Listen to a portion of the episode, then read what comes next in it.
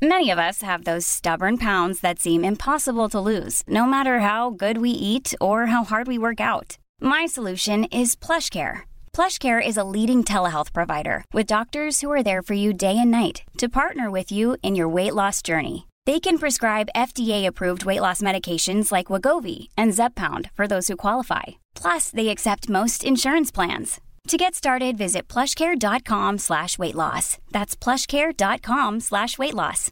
One size fits all seemed like a good idea for clothes. Nice dress. Uh, it's a it's a t-shirt. Until you tried it on. Same goes for your healthcare. That's why United Healthcare offers a variety of flexible, budget-friendly coverage for medical, vision, dental, and more. So whether you're between jobs, coming off a parent's plan, or even missed open enrollment, you can find the plan that fits you best. Find out more about United Healthcare coverage at uh1.com. That's uh1.com. Ever catch yourself eating the same flavorless dinner three days in a row? Dreaming of something better? Well, HelloFresh is your guilt-free dream come true, baby. It's me, Keke Palmer. Let's wake up those taste buds with hot, juicy pecan-crusted chicken or garlic butter shrimp scampi. Mm. Hello Fresh. Stop dreaming of all the delicious possibilities and dig in at HelloFresh.com. Let's get this dinner party started.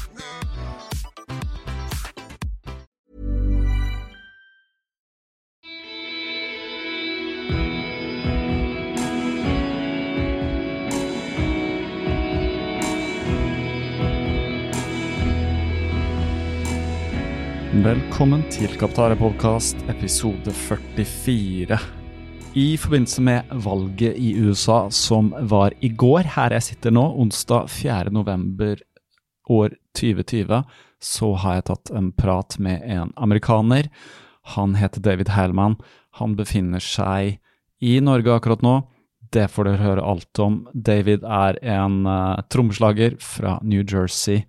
Han er generelt en fantastisk fin fyr. En herremann, uten tvil. Han er en løper. Han er en uh, Hva skal jeg si? En entertainer, som vi sier det. Han uh, har jeg blitt kjent med via Sondre Lerche. Den historien og mer til får dere i intervjuet som jeg nettopp har gjort, så å si nettopp i hvert fall. Uh, jeg prøver å holde det kort, fordi uh, denne episoden skal jeg få ut i dag, på dagen. Uh, et par ting. Kaptaremesterskapet. Jeg la opp en fellesløp på Strava. Um, lørdag klokken ni om morgenen.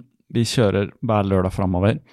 Jeg vet at det er strenge tider rundt korona, covid og alt dette. Vi blir nok en liten gjeng. Uh, vi holder avstand, vi holder pratetempo, så lærer dere løypa, og så kan dere løpe den fort en annen dag for muligheten til å vinne et par løpesko fra Altra for kvinner og menn som får den beste tiden. Det er Strava som gjelder her, altså. Du må løpe segmentet, det er derfor jeg skal lose dere gjennom. Andreplassen får Ofos restitusjonssandaler, og tredjeplassen får Injinji tåsokker, som Dave og jeg og Sondre er fan av. Den historien får dere også. Eh, får mulighet til å kjøpe eh, Altra løpesko, så er det siste sjanse nå. Gå inn på Altra Running eh, Nordic. Altrarunning.no, unnskyld link eh, i podkastnotatene. Skriv Kaptare25 og få 25% av et par sko. Husk å sjekke amerikansk størrelse der, altså. Det er uh, viktig, viktig. Ok, uh, hva skal jeg si? Det er uh, ennå ikke avgjort valg i USA. Vi er alle vanvittig opptatt av dette, uten at man helt skjønner rasjonaliteten i det, men slik er det. Vi krysser fingrene for at vi skal lande på den riktige siden denne gang. Hva som er den riktige siden, vel, det skal vi ikke komme inn på. Uansett, eh, fantastisk å sitte her og lage podkast igjen. Gud som jeg har savnet det. Eh, det er utrolig moro. Det er nok eh, en tid for å gjøre litt mer podkastepisoder over telefonen. Altså, vi kaller det telefonen, men hva er det da? Over internett, da. uh, på avstand. Det er ikke så enkelt å få folk til å stille i lille studio akkurat nå. Ting er litt annerledes, men uh, podkast skal det bli. Det får bli litt ting over telefonen. Håper dere har det godt, håper dere løper, håper dere tar vare på dere selv. Håper dere har litt uh, tid til å reflektere. Uh, skal anbefale to uh, dokumentarer som ligger på Netflix akkurat nå. Den ene er The Social Dilemma. Alle har Netflix, har du ikke det? Er ikke det vanlig i dag? Alle har Netflix, og hvis ikke du har det, så anbefaler jeg å bare tegne et lite prøveabonnement, bare for å se den dokumentaren. Utrolig viktig, bare for å forstå litt dynamikken i dette, disse sosiale mediene vi holder på med og hvorfor vi er så hektet. Det er som dop. Uh, du bare må ha det. Prøv å legge det fra deg, og du får abstinenser. Og hvis ikke du gjør det, så er det fantastisk og flott for deg. Jeg kjenner folk jeg, som bare skyr det, uh, holder seg unna det. Jeg har prøvd, nå er jeg sugd inn i malstrømmen Facebook igjen. Ah, jeg sverget jo at jeg aldri skulle være der, verken der eller på LinkedIn eller noe som helst. Nei, måtte krype til korset. Sånn er det. Det profesjonelle liv krever det.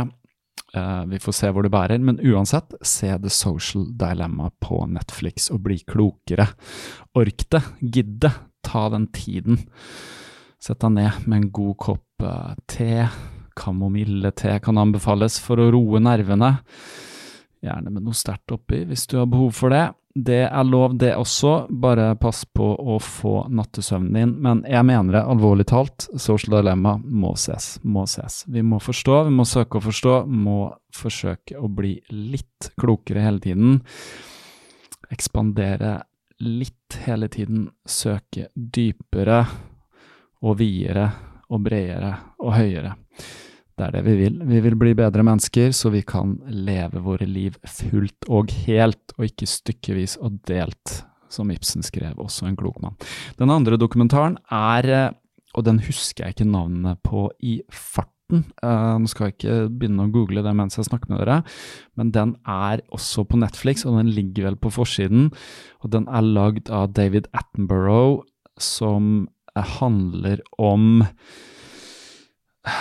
ja, Jeg skal ikke si hva den handler om, egentlig. Jeg skal bare si at det er David Attenborough, 93 år gammel, klok mann, sitt vitnesbyrd over hva han har sett og reflektert over i alle sine år her på planeten, og da mener jeg planeten. Mannen har vært overalt og sett det med egne øyne.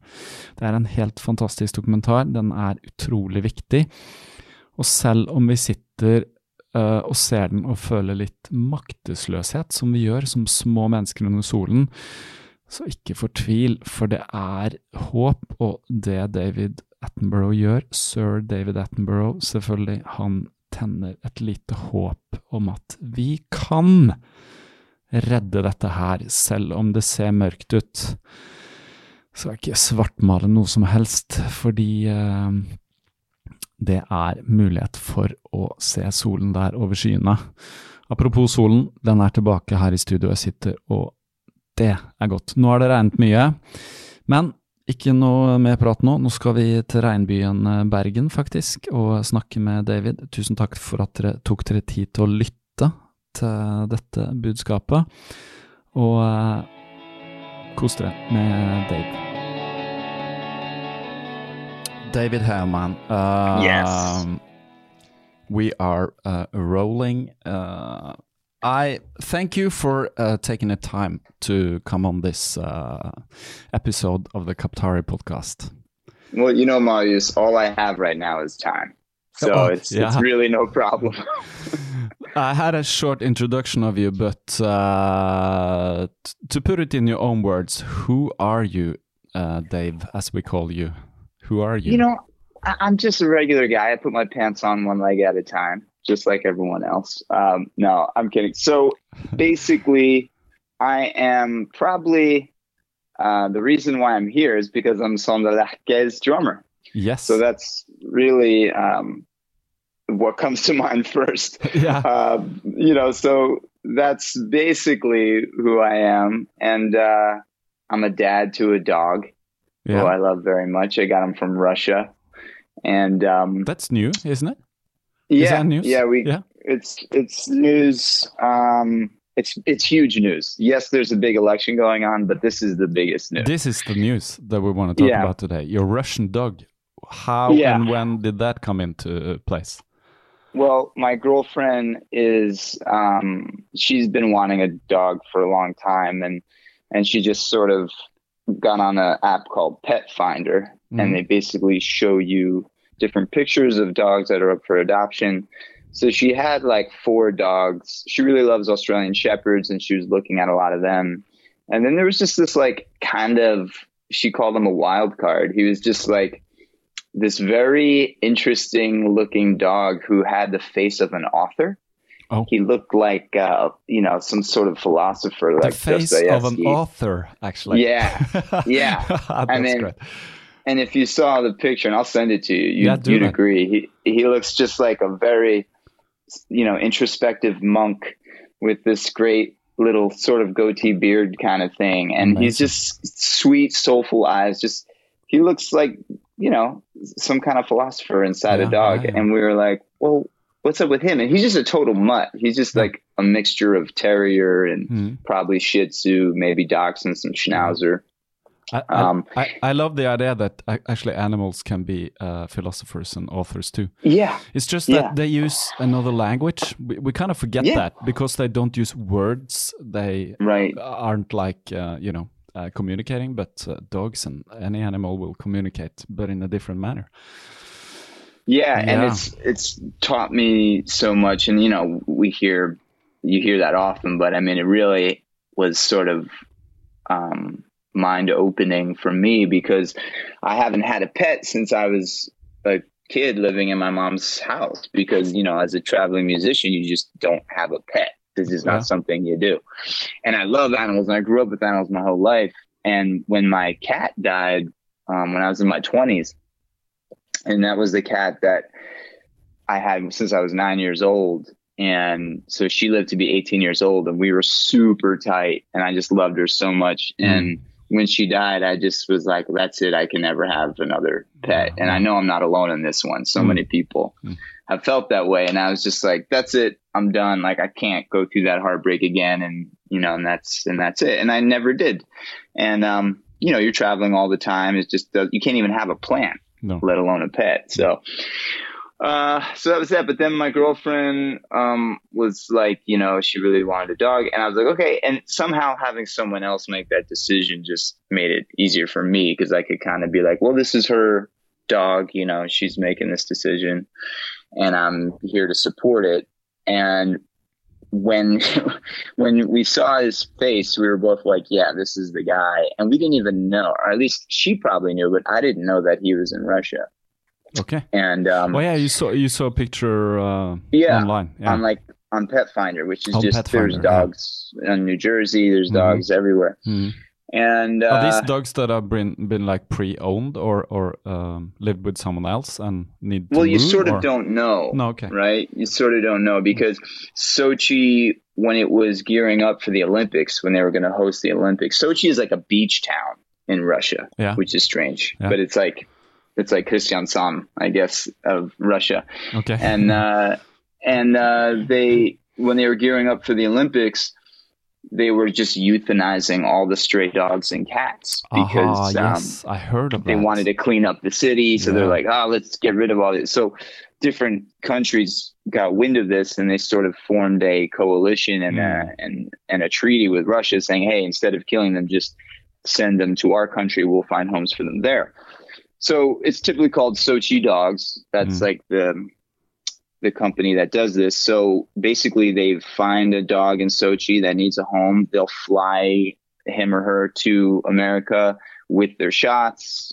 Any kind of hernia surgery that needs to be done, they'll spay or neuter them, Mhm. and they just send them. You pick them up from the airport, and the people were super nice. They let you meet them, get to know them, then you take them home, and you sort of live with them for a few weeks. And if after a couple weeks you feel like it's not a good fit, you can bring them back, of course Mhm. so you, so it's really they really take care of everything. So it was like 350 bucks to get this dog, you know, fully vaccinated and everything um, sent over Hmm.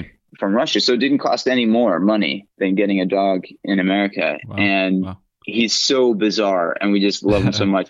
Do you know the And- age? His age? Or- We the vet guessed about four years Ah, old. okay, okay. So he has Now, a good when we long got him, he was two. Yeah, yeah.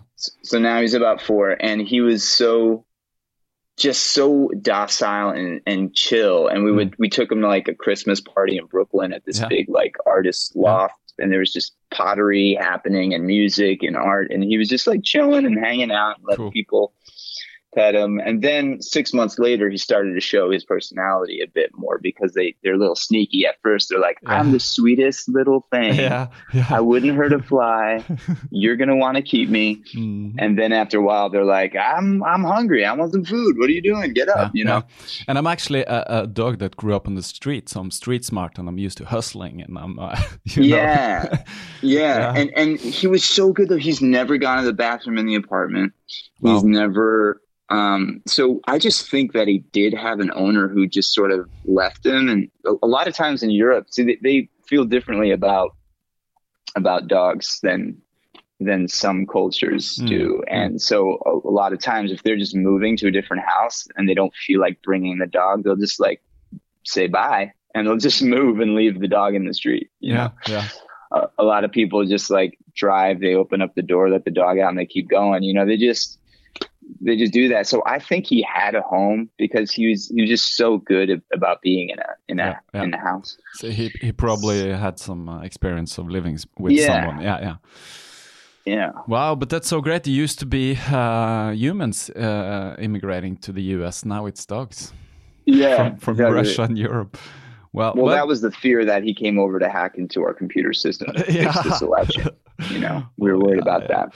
Yeah, actually, we- we're going to set a little context here because uh, today's Wednesday, the 4th. There was an election uh, yesterday in the US. Uh, you are actually, just to put that straight, you are actually in Norway. You're in Bergen.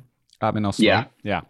So before we talk about uh, the reason you're on is, of course, you're a runner. Uh, we're going to talk a little bit about that, but uh, and the election. But um, you're here to support Sondre on the drums. Finally, I know he. I saw him posting something about uh, how to get you into the country and blah blah blah in these times. How how did that work out? Well, it was interesting because we've known about the possibility of a November tour for uh, many months now, Mm. but we also weren't sure if it was going to happen because who knows if no, if November came around and Norway would decide to shut down concerts again. yeah. So a we didn't know if they were going to happen, um, but we said, well, let's wait and see, and then we'll cross this bridge when we get to it. So the, the shows looked like they were happening. He was announcing them, and then it was time to get me over here. hmm Um, and I'm not used to being the one who's having a hard time getting here. Usually it's because the three fourths of the band, including Sondre, is from Bergen. So Mhm. I'm the American. Sondre also lives in America. So it's usually like, how do we get Chris and Alexander to Mm. America? That's Mm. always been the problem. Yeah, that was So a problem last time- time, wasn't it? Yeah, Yeah, we yeah. had a big issue Mm. for the uh, 2017 tour. Mm. Sondre paid a ridiculous amount of money to the American government to get these guys visas to come in, and he even like paid extra to expedite the answer. And they're like, "Cool, thanks for the money." The answer is no, Oh, and and they really have no basis. It's literally just if they decide to say yes or no. There's Mm. no there's no guidelines, so that's very frustrating. And we were very bummed out that Mm. Alexander and Chris couldn't come to America, so we had to find a band in 24 hours Mm. to take their place. Yeah, I Yeah, a remember that. couple talented American guys named Jordan Brooks and Mm. Alan Markley, and and we got a tour manager. We did all this like in the nick of time, and we just hit the road. So Sondre hadn't met any of these guys. I also hadn't met the bass player. He just came highly recommended from Alan Hampton, who's a great musician, plays with Andrew Bird Mhm. And uh, and so we just trusted the people we knew, and they showed up and they busted their butts, man, and they just knew everything, and and they showed up, and we we wound up having a tour, but we missed uh, our our guys extremely, Yeah, yeah. and so now for the first time, it's like I'm the one who can't get in. Mm. Which usually is no problem coming from the Yeah, US. too. usually no problem. Yeah. I've been coming back and forth for 10 years. Yeah, it's, you have. it's no problem. Mm. And now, now it's like, well, what's going on? So Norway closed its borders because the COVID numbers were rising. Mm. And we had heard from some people, Sondre was asking a lot of people that um, the UDI were the people to contact. You fill out an application, you pay a bunch of money, and hopefully they'll give you a residence visa. Now, I don't need a residence visa to perform here, No. but we figured that if the borders were closed, if I had a residence visa, then they would have to let me in because I'm, you know, it's legal legal proof that I'm here to work and, and all that. But uh, as time was growing near, and we still haven't heard from UDI, I'm already here. I still haven't heard an answer from them. Um, we were just saying, well, we can't wait any longer. Mm. So we got to just jump on this. So Sondre put out a post on Facebook saying, "Does anyone have any tips or anything?" Mm. And his cousin Petar showed us this uh, like European Commission that comes out. Uh, it's, it's frequently updated, and it's it's all about you know how they're handling the COVID crisis. Mm. And in one of those, uh, the very last chapter of that thing, it it says that any uh, performance artists, uh, musicians who are needed for the show to actually happen, they're allowed in. Mm. So then when we saw that, we were like, okay, cool. So I just printed that out. And Sondre's like, can you leave on Saturday? I'm like, yeah. And this was a Thursday, right? So I just packed my bags for seven weeks, went to the airport. And this experience I'm going to spend some time on because this was bizarre. So I've got this printed out piece of paper.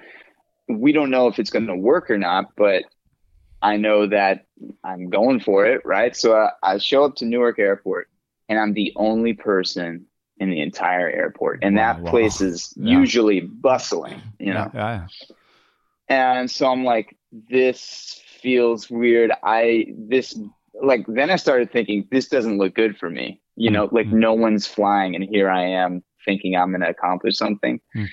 So then I get to TSA and and they're like, "Okay, um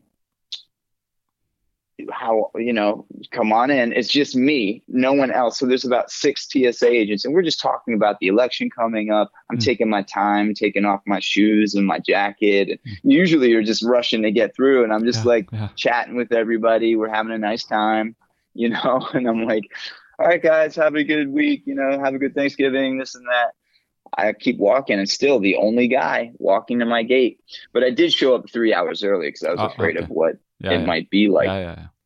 so as the the flight drew near um, about 10 people came to the gate as well so i was on this big SAS flight and yes i'm going to plug sas sas because they're the best airline. They always treat musicians so well and they Yeah. let us bring our instruments on board and Yeah, I agree. you know it's just the best airline man. Yeah, we love yeah, them. yeah.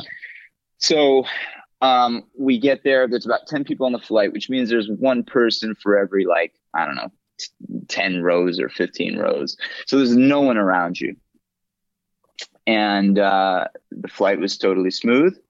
Landed in copenhagen got out. And you know the copenhagen airport those halls are kind of narrow and Yeah. everyone's always there connecting. So it's always you're sort of in a mad dash to get through everybody and get mm. to your connection and everything. But i was the only one. So i'm just walking through copenhagen airport just stopping by the Lockdog to get a danish and just kind of chill. And i'm like this is it really felt like a dream. Oh, it yeah. was some alternate reality where you're the only guy in an airport. Like it's it's just crazy Yeah, that's absurd. so then I walk up to the border control in Copenhagen, and now again, it's just me. You see, like all these stanchions, you know, demarking a line that would typically be, I don't know, 20 minutes long or whatever. Mhm. And here I am just walking up. So this guy could have spent an hour grilling me about what I'm doing and everything. So I'm like, okay, well, let's see what happens.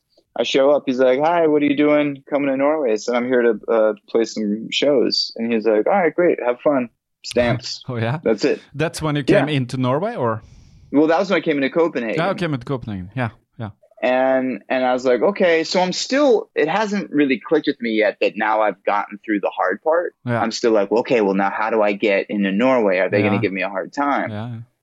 But then I arrive in Oslo, and I just go to my connection flight for Bergen, Yeah.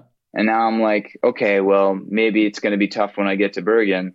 I wonder you didn't have to go th- go through customs and, No, and everything in, no. in Oslo. No, no. Nope, because I guess connect. because I did it in Copenhagen, I didn't yeah, need to. yeah, yeah. You're within Scandinavia. It's kind of Yeah. open. So so then I so Yeah. now I see the real ones. Mm. They're they're in Oslo going to Bergen as well. So I'm chatting with them and I- and I'm just sort of describing my journey. Hmm. And I'm like, okay, well, I guess when I get to Bergen, I'll have to really screw på shaman, you know. Oh yeah, yeah. and uh, and they're like, no, there's no one in Bergen. You just there's no one there. I was like, oh, so I guess I made it. And he's like, yeah. And I'm meanwhile I'm texting the whole band. I'm giving them updates as I'm doing my journey, and Mm. and we're, and Sondre's just like, so you're in? I'm like, I think I'm in, and everyone's like. Did you make it? I'm like, I guess I made it. I'm here. Like we we still didn't know. Like I'm literally Yeah, like yeah. in Bergen. I see Sondre at the Bergen baggage claim. He's on the other side of the room and he's just looking at me. He's like, Are you here? I'm like, I'm here. And we're like, Okay, I, I guess this is real. So it, it was Uh, just, we took a risk. It turned out great. And, and, and in a way, we were sort of annoyed that there was all this Hmm. fiasco surrounding the trip. And we could have planned it like normal people and Yeah. bought tickets ahead of time instead Yeah. of a shotgun flight. Yeah. But but you didn't but know. then- no? we didn't know. And No. then later that day, Sondre gets a call. It's like, hey, guess what? Sigrid, who's Yeah. a very famous artist, Yeah. um, had a Grammy award winning songwriter from America fly into Oslo to do some co writing Yeah. on some songs with her. And the border uh, said, you have to go back to America. Oh. And-? Wow. At the uh, Yeah. roughly the same time, or Th- literally the same day I got Oh. there. So she she took a flight going directly to Oslo. I Yeah. connected in Copenhagen, yeah, and that wasn't strategy. That was just dumb luck. Yeah. So she came the same day I did.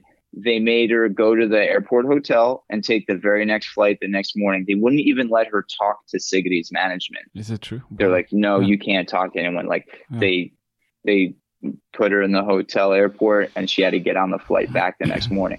So then when we heard that, we were like, man, that sucks for Sigrid and, and that songwriter. And, and as, as bummed as we are for them, it also sort of at least made us feel better about the fact that we were worried about it Mm, yeah, yeah, because it, it is a real threat. Absolutely. know. So maybe we can take uh, no thank the Danish actually that are pretty Exactly, like right? chill. So what are Yeah. you doing? Yeah, well, exactly. I'm Hey, playing some shows. Yeah. Okay, have fun with that. Okay, you're going Yes, to Norway. exactly, It's not a problem. Right, right? In a way, I wonder if yeah, he's just yeah, like, well, yeah, yeah, it's not our yeah, problem. yeah. Yeah, he might have thought that. I don't know. So, but that just uh, is is an example of that people don't really have a clue about rules and stuff in this situation. It's a little bit probably by from case to case what they do and how they interpret it. You know the situation. Exactly, and Yeah. luckily Peter, Sondre's cousin, he he he sent us that European Commission's COVID um, sort of guideline Mm. booklet, and Yeah. and we saw very clearly there that I had the right to to come in, you know, Yeah, and so so we're just lucky that that he reached out and sent us that because I, who knows if we would have taken the risk, Yeah. because that gave us some some faith. Wow. But now you're here or uh, there uh, in Bergen. Uh, Yeah. Seven weeks. and. I have to do a 10 day quarantine. So Yeah, I'm just in yeah. Sondre's apartment while he's in Oslo. I'm in his apartment by myself. And, you know, Got uh, time on your hands. we're very respectful of the guidelines here. So I don't Yeah. leave. I just, I walk a mountain every day, but I just do it distantly away from everyone else. yeah. And But is is there a possibility to? I knew some people coming from uh, abroad, and is there a possibility to take a test and wait for the result? There is. Yeah. There is, but the deal we called them when I Mm. arrived, and we thought that if you take the test and it's negative, you're free to go. Oh, yeah. But the rule is you have to do a 10 day quarantine regardless Oh, okay. of Yeah. the test result. And that actually makes sense because this thing supposedly has an incubation period of at least or at the most eight days. Yeah. So if I took a test and it said I was fine, that doesn't necessarily mean I am. No. You know. So the yeah. the quarantine makes sense. Hmm. Okay, but how is Bergen right now? The sun is shining here. How is Bergen today? Well, you know, it's Bergen. Yeah. It's uh, it's It's- it's rainy. It's raining, yeah. Yeah, it's Yeah. been raining every day. And just yesterday, I went up the Løvstakken, Yeah. which is one of the Wow. famous hills yeah. And, that's a great one. That's a great one. yeah, and it and it was like rainy, like normal. I'm used Yeah. to the normal rainy vibe, but then it started pouring as soon as I got up there. I was just soaking wet. yeah, in, inside a cloud or Um, yeah, I guess. And then as soon as I came down from the mountain, it was fine again. So it was just really just it was That's a weird thing. that's just Bergen saying, uh, "Welcome back, Yeah. Dave. Here's some, here's some rain for, here's some love, here's some rainy love." Yeah. Yeah, yeah. And that's what I love about this place. They don't say, "Oh, it's a rainy day." No. Like no one says that here. They just say, "It's a it's a day. Yeah. It's a day in Bergen." You It's know, so yeah. You sort of get over that pretty quick, the rain, because you, it's not a rainy day. It's just a normal day. Yeah, it's you normal. know? Yeah, I know. But uh, okay, so uh, how many more days you came Saturday, or yeah? So you have another week or so. Yeah, Yeah, yeah. yeah, Um, and you know, and so Sondre will eventually come back here. So then the question was, well, where do I go? And Yeah. Chris, our bass player, Mhm. uh, Chris Holm, who's just an incredible musician, as is Alexander von Mehren, our keyboard player. Yes, the Um, band, the band. Yeah. Yeah, great musicians, great friends, great people. So Chris has a cabin Mm. uh, in Askøy. Oh yeah. So I'm gonna go move into that cabin when Sondre comes back, and Yeah. I'll just be alone in nature, and it's gonna be beautiful. That's gonna be great. So and there's and yeah. Marius, my friend Saher, who lives here in Bergen, I had her pick me up a pair of like Gore-Tex Nike Pegasus um, sneakers. running shoes. So I've got Yeah, these yeah. great, like, you know, they're good in the rain kind of running sneakers. So I've got these brand new sneakers waiting for me here. She just dropped them off for me. And now I can use these in Askøy and go running in the woods. Yes, maybe if you have the time when you get here, I'll take you running into the the trails around Oslo. Yeah. yeah we'll go into the the Lillomarka maybe. I can show you if you have the time, you and Sondre. But but Do you the- ever use these, the Nike Trail Pegasus? You no, I haven't. Uh, no, I haven't tried them. Um, no, They're really nice, man. I'm I'm running only with Altra shoes. ah, yeah. yeah, they're my brand. Sponsored. Yeah. I'm Sponsored. Yeah, I'm sponsored, but I was running before I was sponsored with them also. So Ah, I, I okay, reached out to good. them. It's not the other way around. Right, good. Yeah. Yeah. That's not, yeah, always. but Sure. anyway, uh, the Nike Pegasus are probably also good as uh, long as they have some good uh, soles. Is that what you say? Soles? Soles? Yep. Not the Yep. soul, not the psyche, but the soul of the shoe. Yeah. And it's- have you tried those Injinji socks? Have you tried oh those? yes, absolutely. That's a fun story there because I still use the Injinji socks that you gave me, Yeah. they last Uh, forever. I still they- have mine for except I- I for mean, the I've big got- toe. the big toe has enormous holes. So you need more then, right? You need some oh, more. oh, absolutely, I would. Uh, Yeah. yeah. Injinji is also imported by the same company imports Altra, so I'm having this competition going on where uh, the third spot uh, of running a segment that I call the Captari Championship 2020 is going to win Injinji socks. But the fun thing That's is, great. yeah, this is a little story uh, we'll do. It's uh, about running. I can't remember. Yes, I was going to Bergen to run a half marathon, and I don't know how we talked about it, but we talked about Injinji socks, maybe Sondre said. And you knew this uh, woman that worked for Injinji, so you said, Yeah, I can get you some socks and stuff. And you returned with a bunch, hats and everything. Yeah, I mean, I, the truth is the the founding member of you know owner of the company is my ex girlfriend. Oh, yeah, yeah. Wow. So yeah, so she- I love them. Always run with yeah, so yeah. she was sent. She's been sending me socks for years, and they're just truly the best. And I don't say this just because she's my ex girlfriend. I mean, like they're just the great. I've never had a blister ever since I started using same their here, socks. Same here, yeah. No, I, I And- absolutely need it because when I get warm in my feet and I don't have the Yeah. separation of the toes for people who know in Yeah. I'm gonna get you know blisters and, and the same yeah, I guess we should say that. That's what makes these socks special is that Yeah. they have the toes separated. They're a little So- hard to put on sometimes. Yeah, yeah, yeah. It's gonna you're gonna take a few extra minutes, uh, but when they're on, they're like, yeah, they're they're the best. Yeah, so- and and that's the point is like having those toes separated yeah, um, little sockets is Yeah. is great because Yeah. they lock it onto your foot and it won't move, and that's how you get blisters is the sweat combined with friction. absolutely. So when you have your toes securely in these socks, it doesn't. There's no friction. They don't No. move around, No. and they also last forever, man. Like you said, do. you've been using that same pair. yeah, I have- this is four years now or something. I think. Yeah. Yeah. and I have a box full of brand new socks I haven't even been able to crack into yet Wow. because I still keep Yeah, yeah, using. I mean, Yeah. they last for. And we tour with them. I got Sondre hooked on them, and we use these things all the time, Yeah. all over the place. Yeah. And um, and the, and a little trick, and I'm sure you do this, Marius. Sondre does not do this, and I Mhm. know that because I just did his laundry while he's away. Okay. And so Yeah. when you take the socks off, Yeah. He just takes them off, which puts the toes inside out. That's a oh pain in no! butt. Yeah, yeah, no, yeah. the trick you got to take each toe off first, yes, and I do then that. you know. yeah, yeah, yeah. yeah. So I don't know But why. he Sondre is it just like way. he's, you know, Sondre is always running so hard. Every tra- training session, he probably comes home and he doesn't. He just Yeah. ah, Yeah, exactly. Yeah, he's But- always got a million things to do, so he's probably just that's the last yeah. thing he's thinking about. But uh, we know Sondre is a runner. He's been on the podcast. How is your relationship with running? Um, you're on the Strava. You never, you never, you ju- you like post things on Strava, but you never give them a, a the tour a name or the file a name or anything. So you don't seem to care. But I see you do I, some I'm running. the worst Strava user ever. I don't. Yeah. I don't really um use it the way that you and Sondre use and Marius. Um, you know, Yeah, yeah.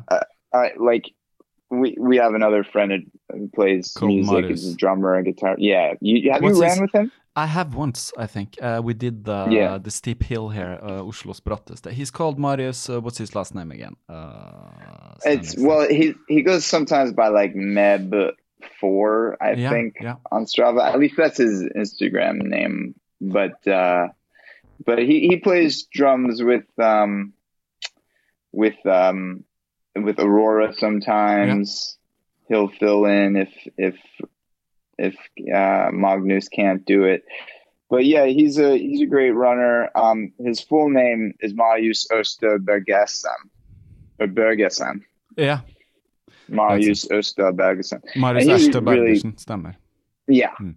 And he, he's a great dude and he's always on Strava and so are you and Salma. Hmm. And really I just use it basically I use it to to see how fast and how far my run is. Yeah. And then I always do the same route. So once I've done it like once, then I already know it and I typically don't use it again. Every now and again I'll put it on just to see what my time is like. Yeah, but yeah. once I know how far the route is, um, and generally how long I go, I just So you, know. don't record everything on there. no No, okay, no okay. I don't. So what, what what is your relationship with running? I know you run, but I don't know how you train, or if you do any training, or if you run just for the fun of it, or if you have any goals, or how is your Well, the, relationship? the the funny thing is, I started in about 2007. Yeah. I started running, um, and I think it was because because I was going to be 30. I Yeah. and I was like, I was in my late 20s, and I was like, well, I, you know, I've never been like, you know, I've always looked the same. It wasn't like a way of looking. It was just like a way of uh, sort of not feeling old, you know. Yeah. So I, I just wanted to like be very active all the time, and so my bass player Pat Doherty in the band I was touring with at the time, he would have these like he drank a lot. I Mhm. was never really a big drinker, but he he would drink a lot, and then the next morning he would. I'd wake up and he was just in the parking lot of the Motel Six, just doing laps, oh, yeah. and I was like, all right, man. So you're it's bizarre because you Yeah. you you run, but you also just get like hammered late at night. And he's like, yeah, I just I like to punish myself the next morning if I've Wow. had like a, a night of drinking. And Mm. so then I was like, all right, well I'll join you. And so then he got me into into running really. And then I sort of once I felt the way it felt, right? Mm. Once you you get that high, you're like, oh man, I want to do this all the time. So then I got really into it and and I developed sort of like this body workout routine that I could do. So I would always like run and do like body weight training in the hotel room. Okay. So So so, like uh, um, using your own body weight, like calisthenics. yeah. Is Yeah. that what it's called? Or- Exactly. Yeah, yeah. Yep. Yeah, Yep. you always So, uh, struck me as a very uh, fit person, um, very healthy. Uh, did you influence Sondre a little bit with your regime? Well, that's kind of the funny part Yeah. is that you know when we first when we first met, he you know he wasn't doing any sort of working out, and you know he'll tell you that that he would watch people running a marathon and just go like, "Wow, I don't want anything to do with that. Like that is the Oh, that's last thing that's I want to be doing." Yeah. yeah he was always so happy to not be the guy running and and i just you know i just tried to get him on to just sit-ups Yeah. and push-ups and i'd be like let's just do crunches and, and push-ups together and he had this thing with his back where his like his spine would stick out a little bit by his tailbone and he'd always wind up getting like cuts Oh yeah. um, when he tried doing sit-ups oh yeah. and I was just like, well, you know, I mean, that would happen to me too if I didn't have like a towel or something on the ground. So that's an easy fix. So just Yeah. use a pillow or a towel. So we would, you know, he still didn't, he didn't enjoy it though yet. Right. But he would do it. Yeah. Um, and then, so then we started kind of working on just sit ups and push ups and then running.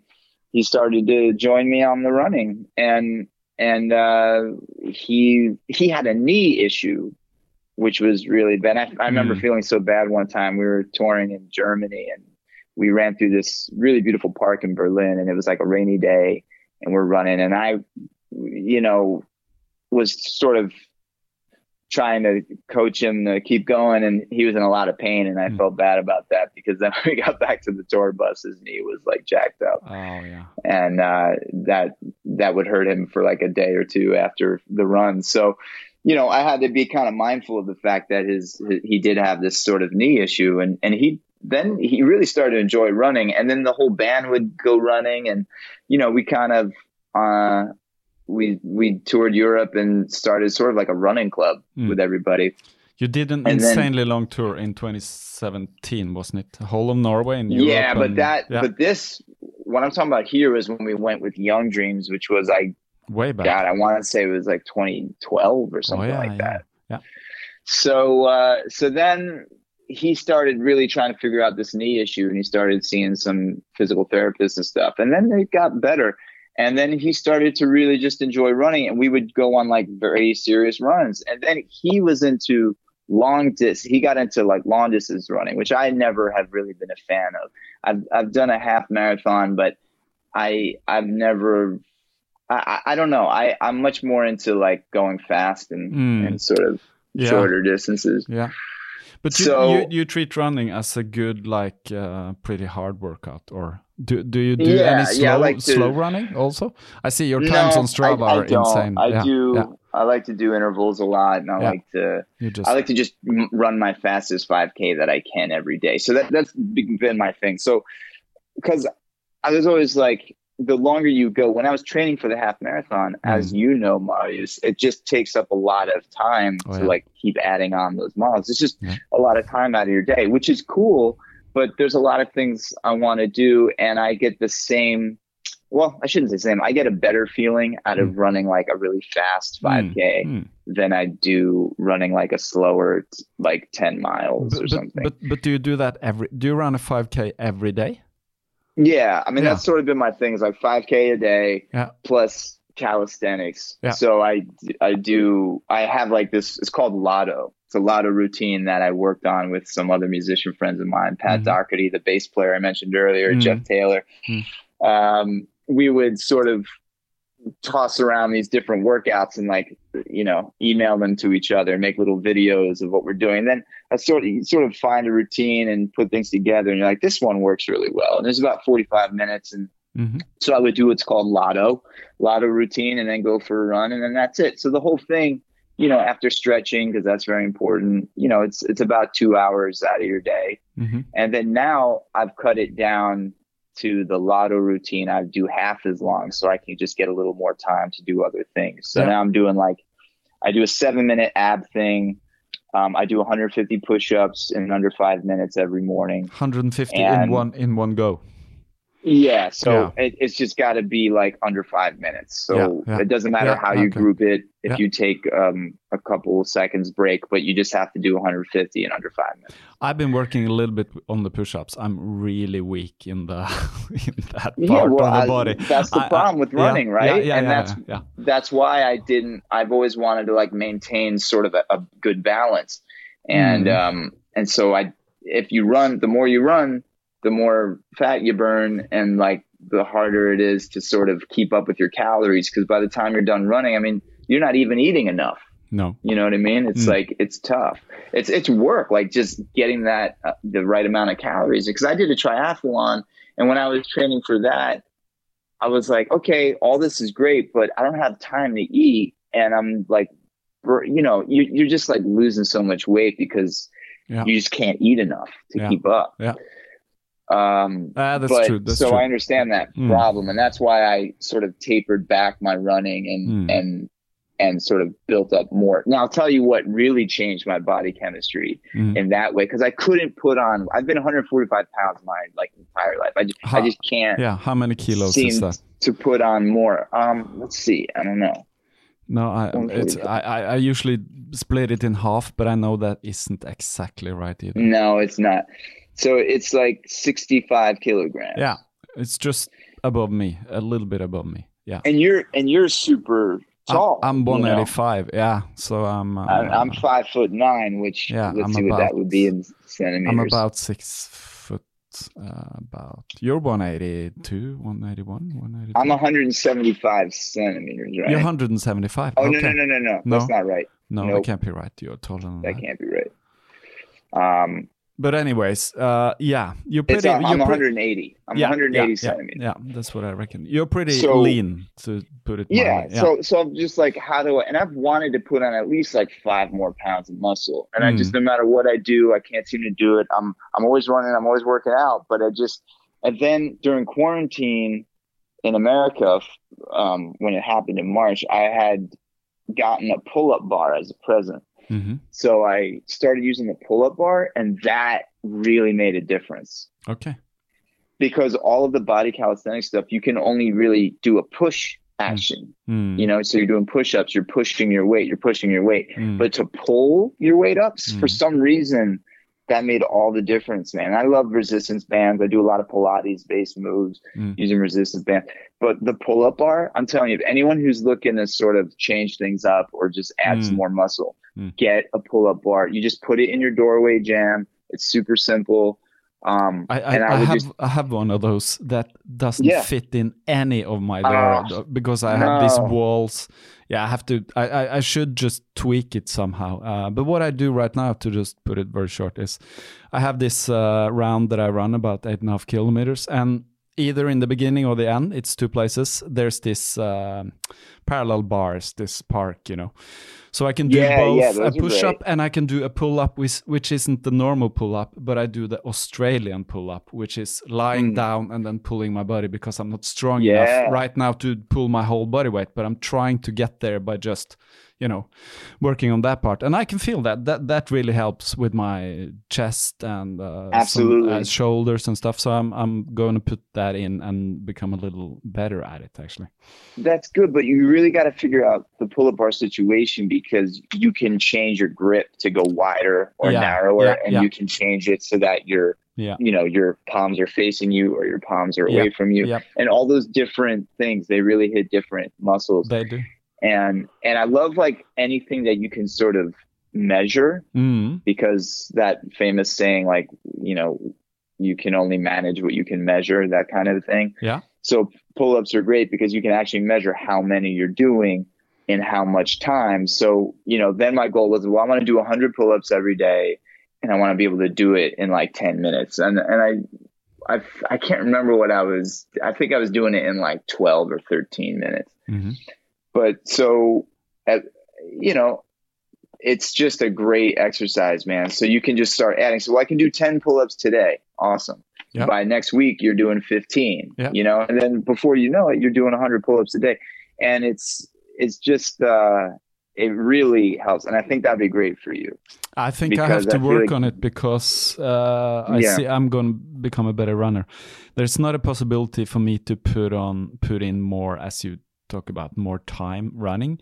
Yeah. It's tough enough as it is. Uh, I run about everything from 50 up to 80 a week, depending on the Yeah, period, and and that's Yeah. as a father of two and blah blah blah. Uh, you know. Yeah. Not Yeah. only just a father of two. This this go this just needs to be said. You're also a loving partner, right? yeah, yeah. So you're a partner, and and yeah, and you and you actually work at that. I I know you, and I know that it's not a passive experience for you. You you put in the work to be a, a loving partner, and you also put in a whole lot of work into being a fantastic dad. So you're not, you know, you're actively engaged in those things. So it's yeah. you know, I could yeah. say I'm a dad to a dog, right? I'm a doggy dad, but I don't actually have to do anything to be that, you know. You but I do. I of him a love him. bit, and. I I, Yeah. I try to give him the best life I can, and I I do make time to spend with him, and I dedicate certain parts of my day to just having a connection with him, and I do try to respect his sentient presence in the Mm. world. Mm. But I mean, that's different than as having human children. And you're such a great dad, and you're a great partner, and you know so. Just time is valuable to everybody. It is, Everyone is. It's- who's it's, listening uh, to this, Yeah, time is the most important resource any of us have. absolutely. and and it that's seems, why, yeah seems to be more important uh, for every year I live. Uh, how Yeah. I, you know. Uh, absolutely, because you sort can't- of I can't remember. Yeah, I can't remember who which Stoic said it, but said something like, uh, uh, "It's not that we have uh, too little time; it's it's that we waste so much of it." You know, Yes. in, in life, we don't have little time in life. Life is long, kind of. We have enough Yeah, time, but we is, just right. waste so much of it. And and I'm be- Right. becoming more reflective on these words as I age. Uh, how I use And I'm glad time. to hear you say that because Yeah. anytime someone would say, "Hey, life is short, man," I'm always like, "It's it's not really. No, no, it's, it's not, not really No, no. that short. It's actually pretty long. Because, no, because Yeah. I would say. I would say, like right now I'm 42, yeah, right? Yeah. I so I look back at the 42 years of life I've lived, and really I only remember like probably you know 36 of those years, right? yeah. So, um, I have another 42 to go, Yeah, and I probably still have another 10 after that. yeah. You know what I mean? If you keep so when I look at my like life this, right now, Yeah. everything I've done, I have to do all of that over again. Mm, That's how much time I have. Yeah. It's a lot of time. it's a lot of time. Many days. And so Yeah. what you're saying is is great. It's like, yeah, you've got time. It's just how are you using it? yeah.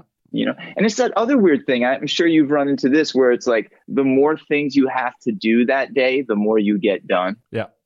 You know, It's the whereas focus. if you have yeah, absolutely. yeah, it's like I've got Sunday completely free. I'm Mm. gonna do so much stuff, and you Mm. do like nothing yeah. with it, right? Nothing. But when you got to Yeah. pick up the kids from school, you got to drop them off in the morning, you got to pick Yeah. them up later. You know, you you, you- you manage so much stuff Yeah. when you have things to do. So it's yeah, time management, man. That is that is key, and that's why when developing my workout sort of philosophy or whatever, I realized okay, how can I maximize the most amount of like fun energy burning in the least amount of time so that I can dedicate that other time to other things, Hmm. but still taking it very seriously because our health is our priority. So Oh, yeah. you want to, you never want to put that on the back burner. So always make that the focus, but what can I do in a short amount of time that's giving me the most result? And for me, it's like having that 20 minutes of cardio, Hmm. uh, pumping it out hard, doing some strength, some mobility and flexibility. I think that's not enough. Uh, there's not enough focus on that is No. the flexibility and mobility yeah, yeah, exercises. yeah. And sometimes I'll just take a break from the like rigorous calisthenics routine and just spend a week working on like lengthening my spine and all Mm, that and mm. just like have a yoga week, you yeah, know? that's great. I think yoga is a good thing, or uh, um, uh, exercise that looks like yoga. It could be Pilates also. Yeah, love Uh, it. Love but, it. but definitely we forget a little bit about the core and the spine and things which are really important to be, as you say, flexible. yeah. Also for runners, because I see Yep. in myself and others that if you become less flexible, you become slower. Uh, so it, it, it, it doesn't only help to run fast; you have to work on the whole flexibility. Yeah. And I can, you know, uh, running and on is that uh, tip, yeah. actually, I want to get back to Sondre on that because he's always hated stretching. He's Mm. always hated stretching.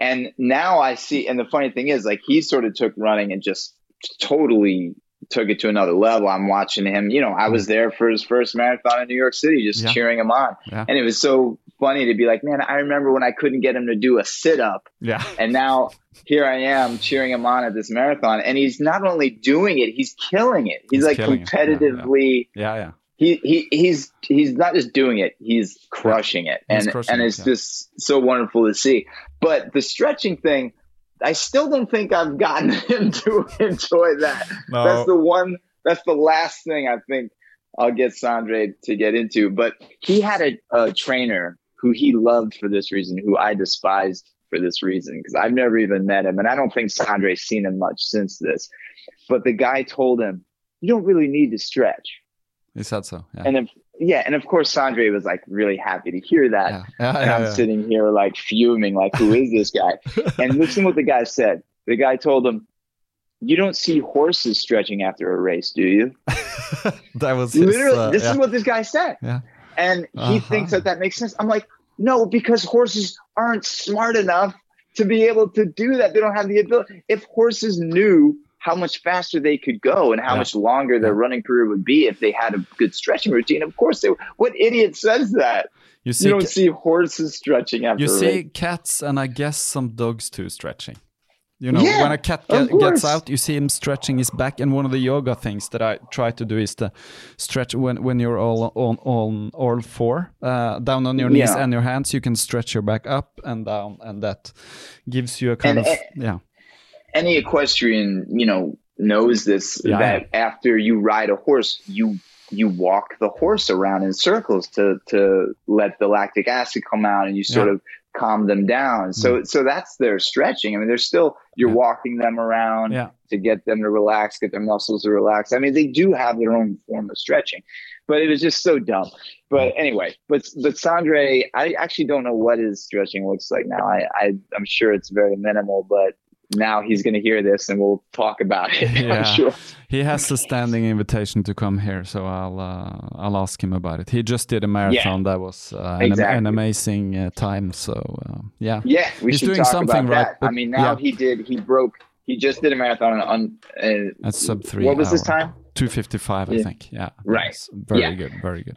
and yeah, so he did under. Hmm. You know, and, and that's that's on top of everything else he's doing. Yeah. I mean, you know, he this guy. He's he just had the most. He's the only one. This pandemic, 2020. He's the busiest guy in the world. Yes, he is. Uh, possibly the busiest guy in the world. That Yeah, might yeah. not even be hyperbole. He Yeah. might just be the busiest guy in the world. He's jumped on every pandemic. chance uh, that was possible. He's he's done really well, and I love it that you're gonna tour now uh, with the band. Yeah, You're coming to Oslo at the end of the month. I think you said 27th Yeah. of yeah. Where are you play, 27th, Where are you playing here in Oslo? Oh, geez, that's a good question. I think Rockefeller. Yeah, Rockefeller, Rockefeller. yeah, yeah. Mhm. And there's uh, probably a limit to the to the amount of people, I guess. Uh, yeah, it Yeah. is. It's socially distanced. You know, I mean, Yeah. Norway is great with that. Yeah. Like, they're only going to do things if it makes sense. Yeah. And uh, and we're definitely trying to make it safe for everybody. And and we're just excited to be a band together again. And I've been missing Sondre and the band so much. I haven't seen him since January. So here we are in November. We haven't played together or even been in each other's uh, presence Mm. since January. Mm. So it just the ability. Well, I it, I have to say, like the the risk Sondre was willing to take to just get me into the country. Um, I'm sure for him it didn't feel like a big deal, but to me it it's a big deal, and Yeah. I, and I just I'm really appreciative of the fact that you know the bond that we all have together as a band that we'll do anything it takes to to be together. And I and I really I know that that comes through in the music when we perform because we really do love each other and it's it is uh you know we're all we're family and yeah and, I just and, yeah uh, you're you're a great live live band uh he really figured out the, the setting there and you've been playing with Sondre since about 2012 or so Or well before, or- 2009 we first met actually. at Rockefeller Yes. in in Oslo. I- You might have been there. Were you there? I, when I wasn't there with but, Regina? yeah no but my wife was there Tala you know yeah, she, that's when she I was first there. met her. Yeah, uh, you Yep. were all backstage with Regina That's right. and they met, you met all of you. Yeah. So yeah, yeah, so quite a while. with us then, Mm. and then 2010 we recorded um, his self-titled album. Yeah. In 2010, and then it's been ever since. Yeah. So we've been uh, for over a decade. We've been together. His last album, by the way, or his or yours, or what I say, but the last album that he's been recording like for seven years, so we've been doing back and forth. That's really an amazing album, the Patience album. Yeah. Thank you. Well, yeah. Yeah, that that is uh, an amazing album. Uh, It really showcases Sondre's just incredible songwriting. and, yes, absolutely. you know, He's and it Hmm. it's so good. Yeah. So it will be great to see you perform that live. Uh, really looking forward to that. And we uh, are too, because don't yeah. forget we haven't had a chance to do that yet. So no. So you're going to do some looking forward to that. rehearsing, I guess, on beforehand when you get out of quarantine and uh, and do, do a little bit rehearsing, or how how is that? How yeah, do you work yeah. up to So it? Yeah. when quarantine's done, we're gonna have two days in Bergen hmm where we just get to workshop all this material and develop a show, uh, and then we're gonna start touring it. So we go to Ålesund and we play a couple of shows there. We play a couple in Bergen. We play a couple in Oslo. We're also gonna do some live stream concert stuff. I mhm. believe there's one in Oslo on December 16th hmm that we're doing. We're also going to do some recording. We're working on some new material, Great. and um, yeah, it's going to be great. That's going to be amazing. So you're and, and then you're going back uh, for Christmas to the US, or Yeah, exactly. So I'm here for seven weeks. I'll go back home for Christmas, and then we'll see what 2021 brings. yeah. You know, What I don't even know what's yeah. going on with America because No. we got election. Yeah, I wanted to ask now. about that. Today is Wednesday. We still haven't got a result, as I checked a few hours No. ago, because we're waiting for Yeah. some states. But of course, Donald Trump went out and said, "It's a fraud. It's a fraud. They're trying to Yeah, steal the yeah. election. Don't listen to them." Ah. Yeah, oh yeah. man, it's. But we knew he was going to do that. Everybody knew. So That's his move. He tells you something, whether it's true or not, and just expects it to be real. Of course he does. But the, the reality is, I mean, e- even if these were two presidents, two presidential candidates that we all liked, Hmm. this would be this outcome is very close. Hmm. And to be truthful, Yeah. it's not looking very good because they have to win the electoral college like they need 270 to win right yeah, yeah. So only three times in the history of the country has it been has there been a case where they didn't win by that margin Okay. and when Hmm. that happens um, then the the congress decides Uh-huh. who's president Hmm. And that could be very bad It, could, it, it can be very bad. It's good. There's going to be Yeah. as long as it's uh, taking time, it's going to be bad because they're going to try to spin a narrative of uh, that things have been done wrong, and yeah, Trump Yeah. wants to stop the counting of of the postal votes and stuff like that. E- even though that's totally normal that they count all the votes. They they Yeah, usually do that. I just heard a podcast on uh, normal elections. If there's votes from you know uh, soldiers uh, abroad or Europeans, um, no Americans living in Europe or Asia, wherever, they wait for them all. They they probably Yeah. don't have anything to say because there's so few. But now it's a difference. 100 million people. Uh, voted uh, pre pre the election pre election day, so we have a totally different situation, and uh, I don't know if they're ready to you know handle it. I'm not sure. We don't know. Yeah, it's it's the problem is there's no respect on No. the Trump side. So like they're Mm. not thinking the way you're thinking. They're not thinking, well, it's only fair if we X Y Z. Mm. He's just thinking, what's Yeah. going to prohibit me from Yeah. victory, and Yeah. that's the thing he's gonna he's gonna um, Yeah. fight against. And it's it, it, yeah, man, it's bad. How how how has it been to live in? Uh, you live in New Jersey, right? Which is right across the river from Manhattan. Yeah, Right. Yeah. So New Yeah. Jersey, it's it's a known state, it's a known town, but it's very close to New York City. You can go over there in how, how long would you use to go over to Manhattan? Is it Well, I live in Jersey City, and Jersey as you City. said, it's it's literally the other side of the river. So the Hudson River separates New Jersey from New York. So Mm. Manhattan, being an island, um, I just have to cross that river mm, to get into Manhattan, and then I it's a very simple little cross to get to Brooklyn. Hmm. So when Sondre was living in Brooklyn and and I was in Jersey City, I could be at his house, you know, door to door in 45 minutes Yeah. if I took the train. If I drove, I could be there in 20 minutes. Hmm. So that's how close I am. I mean, it's literally like three miles. I'm three miles away yeah, from you could run. You could run actually. Yeah, you could, but run you know, then you have to go up the George Washington Bridge, and Yeah. that's um, But then you wind up in uptown. how has it been in these last six seven months? You you're a drummer. You you play with Sondre, but you also do other stuff. You have your own band. You play with other musicians as well, or Yeah, and we, you know, so basically, in Jersey City, it it would it that's a very, um, it's a great, beautiful city, and but it's there's a lot of people there. So Mhm. when the pandemic hit in March, when we knew it was serious, my girlfriend and I got really lucky because her aunt Mm. has a very beautiful uh, vacation home in the Berkshires of Massachusetts Aha. which is basically this very popular relaxation and getaway area where it's up in the woods. Hmm. We didn't have anyone around for miles. It, it was just you walk out the door and you're looking at the beautiful, you know, mountains and Mm. it was just really it's where Herman Melville like hiked before he wrote Moby Dick. Oh yeah. Okay. Um, him and Nathaniel Hawthorne used to walk in these mountains and Mm.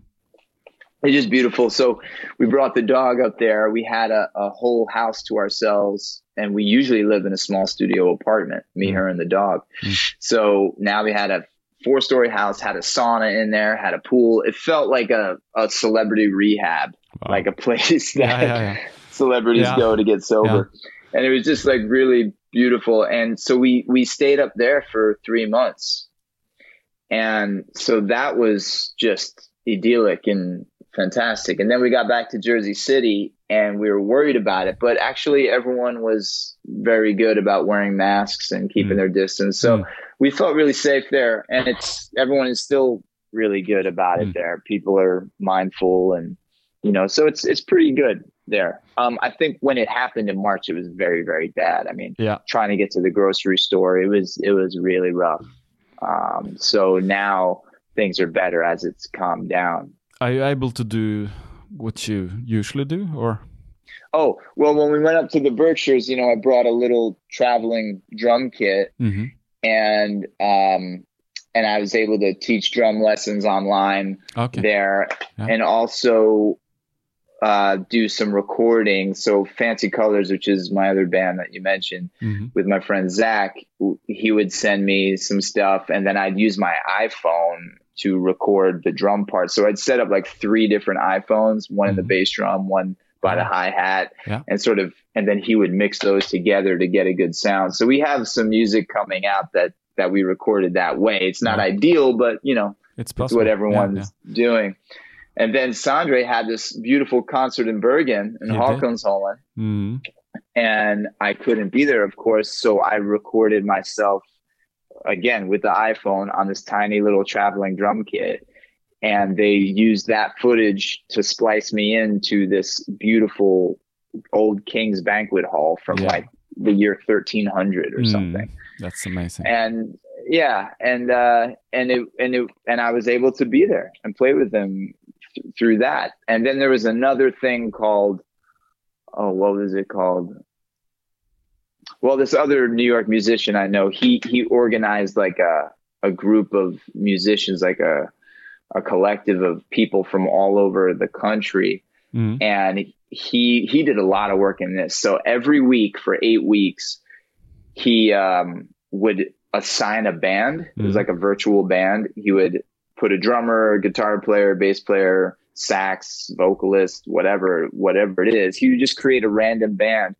And then on Monday, the drummer would record the drum part. On Tuesday, the bass player would put down some bass. Mhm. Wednesday would be guitar. Thursday is vocals. Friday, you know, whatever. So by Saturday, you had a song Amazing. and and we would create and we would like record ourselves doing it and put these little video compilations together so through that that was just kind of more fun stuff but it was um you know every week i was in a band with complete strangers and we'd make a new song together. Sometimes you're the guy that starts it off Hmm. so i would be able to create a beat and then Mm. everyone else would layer onto that. Sometimes i'm the last guy to add my part. Mm. you never know where you're going to be in the process and that was really cool and it was so successful. I was surprised to see how it all came together. So we would all just share um, this new music and i never through those whole eight weeks i've never played with the same guy twice. It was someone new Wow. that i didn't know all the time That's so amazing. It Kind of, yeah. So even through this, creative people learn how to, you know, uh, make art in new ways. You know, when we're, Yeah, when, and- when we're limited at at some point, meeting and doing it physically, there's technology now that makes it so much simpler to collaborate over. Yeah, and sometimes you'll be like, "Whoa, this track came out really good. I actually liked it." So sometimes you're like, "Well, uh, how do we make this sound good? I don't Yeah, know." But it's a little much. but that's yeah. the challenge, and it's Mm. people you don't know, so you also don't know how sensitive they are. Is this someone who I can say, "Hey, man, do you mind re-recording that bass part because it's not really locked in, so I Mm. can't put my part down." Mm. Do you mind redoing it, or is it someone who's very, you know, who wouldn't be open to that? It, these are all strangers. You Mm. don't know. You No, know, yeah, and so and but we would we wind up making friends and like some of these guys i kept in touch with because i really liked what they did and and we they really were nice people and so i, I made a couple friends through that process as well great, great. so it was really you know it's great and a I- lot of them know Sondre's music and they they really loved um yeah, yeah. you know I- they I- love him I, I guess you're when you, you could say that you're kind of freelance drummer, so people could hire you to do studio Yeah. work or go on tour with them. And I guess it's uh, important to be known as a musician that can be collaborated with. And is is this something you you see yourself doing in you know uh, in the foreseeable future? Well, it's that's like a it's an interesting topic because like a fr- I, I never I didn't grow up wanting to be a freelance musician, right? Mm. I, I grew up wanting to make music with people I cared about. Mm, Um, mm. I, I never get turned on with like someone calling me to come in and play on a you know, I barely know them and they Mm, want me to mm. play drums on their track. And, you know, and that can be fun. Like, but drums was never the thing that got me excited. It was like making music with people. So when I first started my band in middle school with my friends, you know, and we would just, you know, I was 13 years old playing a rock club in Newark, New Jersey, and it just like, and I looked like I was nine because I was a very like Yeah. young looking kid. So You still are. it, it was, thank you, but you know, these these old seasoned guys in rock bands are Yeah, like, man, yeah. how fucking old are you, man? I'm like, I think 13. They're like, what the hell? We were playing Black Sabbath covers and Yeah, Led yeah. Zeppelin covers, and Yeah. you know, we also wrote original music. But but I loved that, like meeting Hmm. up to rehearse with my friends and creating music. And you, you did you know, drums always- or all the time since the beginning? Yeah. Yeah, yeah. yeah, I was always a drummer because I heard John Bonham, you know, Led Zeppelin. I was Oh, like, yeah, oh my yeah. god, it just Wow, yeah. moved me. Yeah, yeah. Like He's a legend. that was my first inspiration. And if if people listening to this haven't heard uh, Led Zeppelin, um, they should just yeah, immediately listen. I was crazy about Led Zeppelin when I was in the end of my from I was about 16, 17, discovered Led Zeppelin. exactly. and I was obsessed. And that's the thing. Like Led Zeppelin is something you get obsessed with. Yeah, you do. You tend to Mm. only listen to them. Yeah, You never listen to yeah, anything else. yeah. And of course, you branch. And then I heard the police, and I got into yeah, that, and yeah. you know. But uh, you know, so I, I've always loved drumming and the drums, but but I've I loved making music with people through that, and Mm. so that's my been my focus is like, who do I connect with? Who do I feel like? Uh, Mm. you know that that the chemistry between us can can bring out something Yeah. better than if if we weren't together. Yeah, And. I've always felt like if I'm not adding to it, then I'm taking away from it. yeah. So if someone ever called me, sometimes they'd be like, "Hey, man, what do you think? Do you want to play drums on this thing or something?" And sometimes I'd be like, "You know what? I don't, I don't think it needs anything. You know, I don't think you need me on that. And and I, I and if and if and if I'm not bringing something new to the table, then I'm hmm. I'm just taking away from it. So I sometimes I'll just take myself out of a situation when someone's trying to bring me in, you know, and that's kind of counterintuitive if you're looking to make money hmm. as a freelance musician. But I I guess I don't I'm okay with like not having money because it's like, you know, it's just not the end of the world to me. Um, But and- you have to, of I- course, earn some basic income so you can. yeah, I mean, but it's like, how do you want to earn? Yeah. You need money, but how do you want to make that money? Do I want to play wedding gigs? I don't. no. You know, like I just I don't want to play weddings Hmm. unless they're my friends, and I've done that. I've been hired to play weddings, Hmm. You know, for my friends in bands of people that I'm friends with that I enjoy. Hmm. But like a real a freelance musician who's like making a lot of money, he's out there doing wedding gigs, he's Yeah, doing all that stuff, yeah. and good for him. everything. Yeah, yeah. Uh, yeah and and that's cool there's nothing wrong with that it's just that i i that doesn't make me happy Hmm. so i've always been more into um the sort of intimate connection and and because i really I, I think you're only going to make something good if if you Mm. have that chemistry i just don't see it working any other way i could play drums but i want to play music Yeah. and to me music is more than than Yeah. it's it's like something you can't Hmm. you can't practice. It's just something that comes together when the right people are working together. So I, I have a few people in my life that I feel that with, that Hmm. I connect with, and I try to just keep nurturing those relationships because I rather, you know, like Neil Young's Crazy Horse, right? Like Neil Mm. Young's Mm. band that's been together forever. I've always felt like if if we could keep that energy and connection and love Mm. for each Mm. other together, the Sondre Lerche band Mm. could continue forever. Yeah, you know, yeah. if, as, but but as you know, being a husband, right? I mean, it's like you need to keep nurturing that relationship. You just can't expect it to be there. No.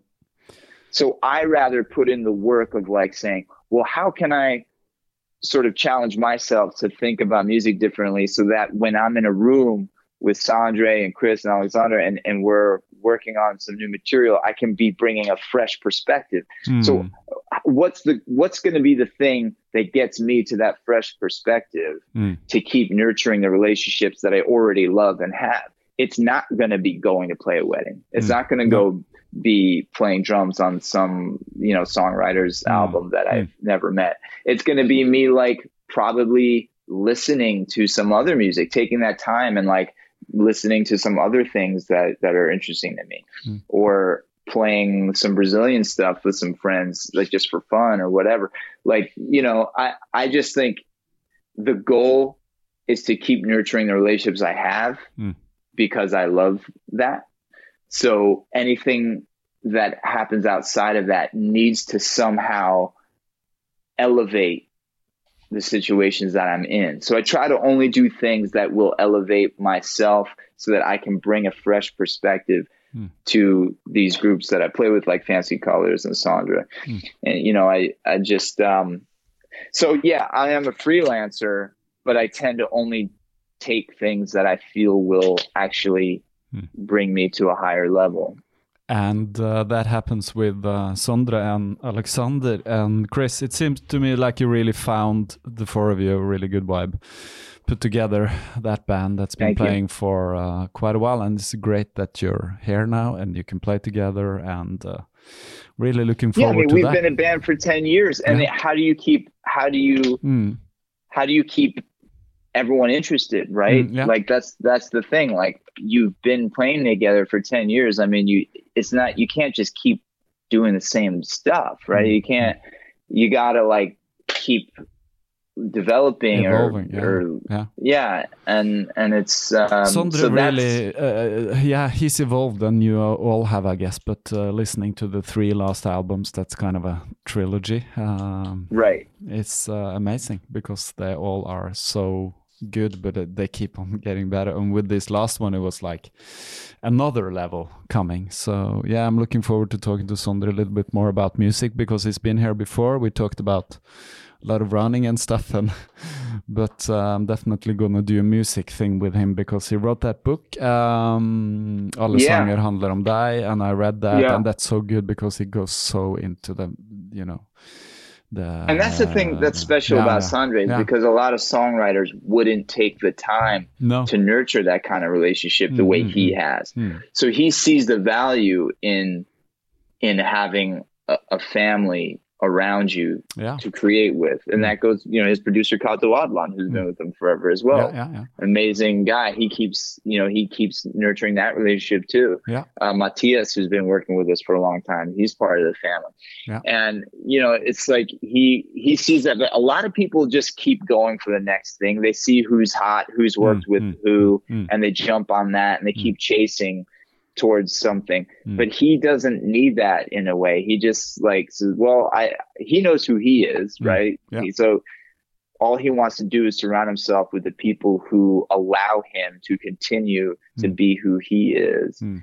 and and and even more than that, hopefully. So and you've seen you this know, it's- up close, I guess, a lot. So, see, yeah, and, and so so much of the credit, Hmm. I mean, all of the credit goes to him because he's kept us together for so long, yeah, and he yeah, he does whatever it takes Hmm. to keep us together, Hmm. um, even if that means smuggling me into Norway during Yeah, the yeah. pandemic. You know?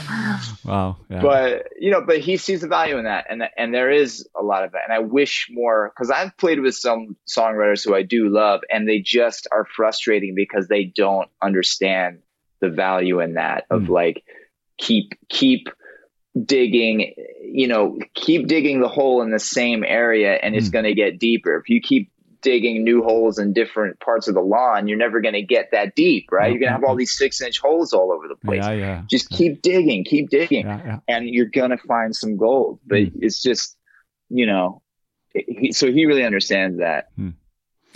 So it, it must feel good now to finally be here and know that even though the situation, you can do your what you love again, the music part, together with uh, yeah your friends in the band. Yeah, yeah. yeah, feels great. So you're excited to to start, I guess.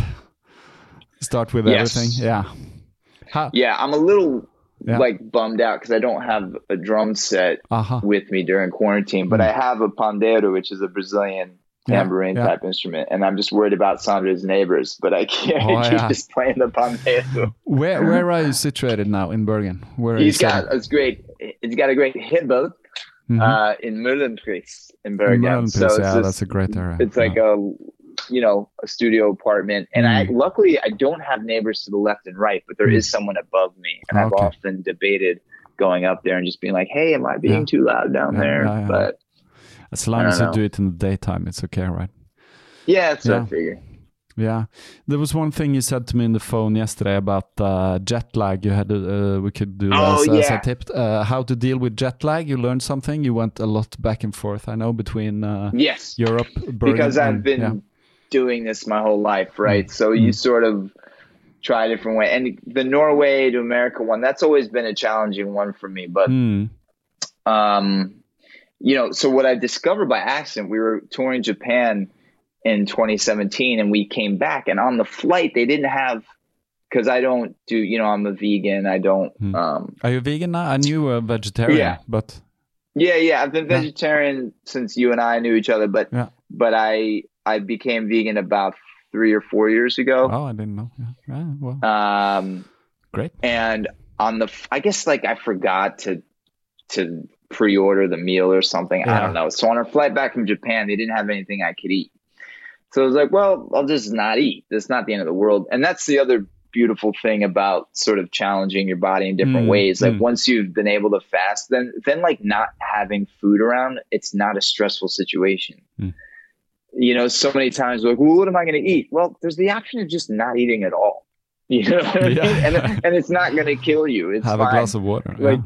Yeah some, you know it's but so much of a a lot of us human beings we get really hung up especially with water too. You ever notice that? So Yeah. many people are like, "Oh, I need water. I need to bring water." Like, do you really though?